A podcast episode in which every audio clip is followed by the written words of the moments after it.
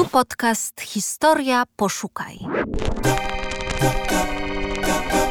Najciekawsze tematy, perypetie niezwykłych bohaterek i bohaterów, zadziwiające losy dzieł sztuki. Siedzicie wygodnie? To posłuchajcie. Pierwsza doktorka nauk fizycznych we Francji, pierwsza wykładowczyni na Sorbonie, pierwsza kobieta z Nagrodą Nobla i pierwsza podwójna noblistka w historii. Maria Skłodowska-Curie szła jak burza. Studia na Sorbonie rozpoczyna Skłodowska w listopadzie 1891 roku. Początkowo mieszka u siostry i jej męża, ale po kilku miesiącach wynajmuje pokoik bliżej uniwersytetu. Na poddaszu w zimie zamarza woda, a Maria musi przykrywać kołdrę wszystkimi ubraniami. Na obiad jada chleb, jaja i owoce. Popija filiżanką gorącej czekolady. Jest trudno, ale czuje się prawdziwie szczęśliwa, całkowicie skupiając się na nauce.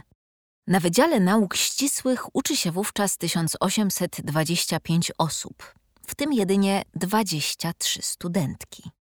Skłodowska pracuje podwójnie ciężko, bo poziom wiedzy jej francuskich kolegów okazuje się znacznie wyższy. W ekspresowym tempie nadrabia zaległości. W 1893 roku uzyskuje licencjat z fizyki z pierwszą lokatą na roku. Do egzaminu przystępuje jako jedyna kobieta. Rok później zdobywa licencjat z matematyki z drugim wynikiem na liście. Początkowo Skłodowska wcale nie jest pewna, czy zostanie nad Sekwaną. Ma nadzieję na pracę na krakowskiej uczelni. Decyduje się jednak wrócić do Paryża. Gorąco namawia ją do tego Pierre Curie, świeżo poznany fizyk, kilka lat starszy od Marii. Jest już zakochany w zdolnej Polce, z którą chciałby dzielić i życie prywatne, i badania naukowe. Popierają się w 1895 roku bez zbędnych ceremonii. Wystarczy prosta sukienka, najbliższa rodzina i garstka przyjaciół, przyjęcie w ogrodzie i wspólna gra w bóle, a zamiast podróży poślubnej wycieczka rowerowa. Skłodowska-Curie zaczyna badać promieniowanie uranu, które zaobserwował francuski fizyk Henri Becquerel. Wyniki jej eksperymentów okazują się tak obiecujące, że wkrótce dołącza do niej Pierre. Laboratorium urządzają w drewnianym budynku, dawnym prosektorium.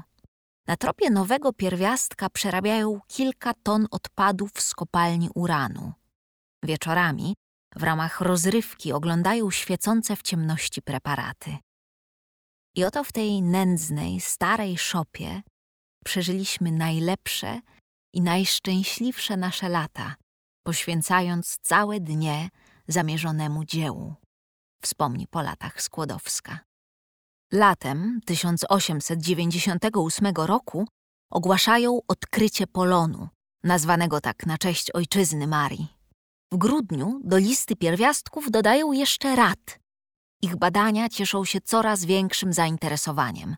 W 1903 roku Skłodowska-Curie jako pierwsza kobieta we Francji broni doktorat w zakresie nauk fizycznych. W tym samym roku Małżonkowie wraz z Becquerelem otrzymują Nagrodę Nobla w dziedzinie fizyki, a potem kolejne wyróżnienia, medale, doktoraty honorowe. Pasmo sukcesów przerywa tragedia. W 1906 roku Pierre ginie pod kołami dorożki. Maria jest zdruzgotana śmiercią ukochanego męża i partnera naukowego, ale postanawia kontynuować badania. Przejmuje po nim katedrę fizyki zostając pierwszą wykładowczynią na Sorbonie. W 1911 roku odbiera drugiego Nobla, tym razem w dziedzinie chemii. Międzynarodowa sława badaczki nie chroni jej przed podwójnymi standardami. Dziennikarze chcą wiedzieć, jak Skłodowska-Curie radzi sobie z wychowaniem córek i prowadzeniem domu. Czy ktokolwiek pyta o to wybitnych naukowców? Co więcej, francuska Akademia Nauk w 1903 roku pierwotnie zgłasza do Nagrody Nobla tylko Curie i Becquerela. Dopiero po interwencji Piera uwzględniają dorobek Marii. Kilka lat później ta sama akademia cały dzień debatuje, czy przyjąć ją do swojego grona. Nie dość, że kobietę, to jeszcze cudzoziemkę. Kandydatura przepada kilkoma głosami. Pierwszą członkinią zostaje pół wieku później Marguerite Perret, uczennica i asystentka Skłodowskiej Kiri. Dlaczego Skłodowska zdecydowała się wrócić do Paryża? Odpowiedź na to pytanie znajdziesz na portalu Historia Poszukaj w artykule Karoliny Dzimiry Zarzyckiej pod tytułem Laboratorium w Szopie Droga Marii Skłodowskiej-Curie do Nagrody Nobla, a nawet dwóch. Historia. Poszukaj.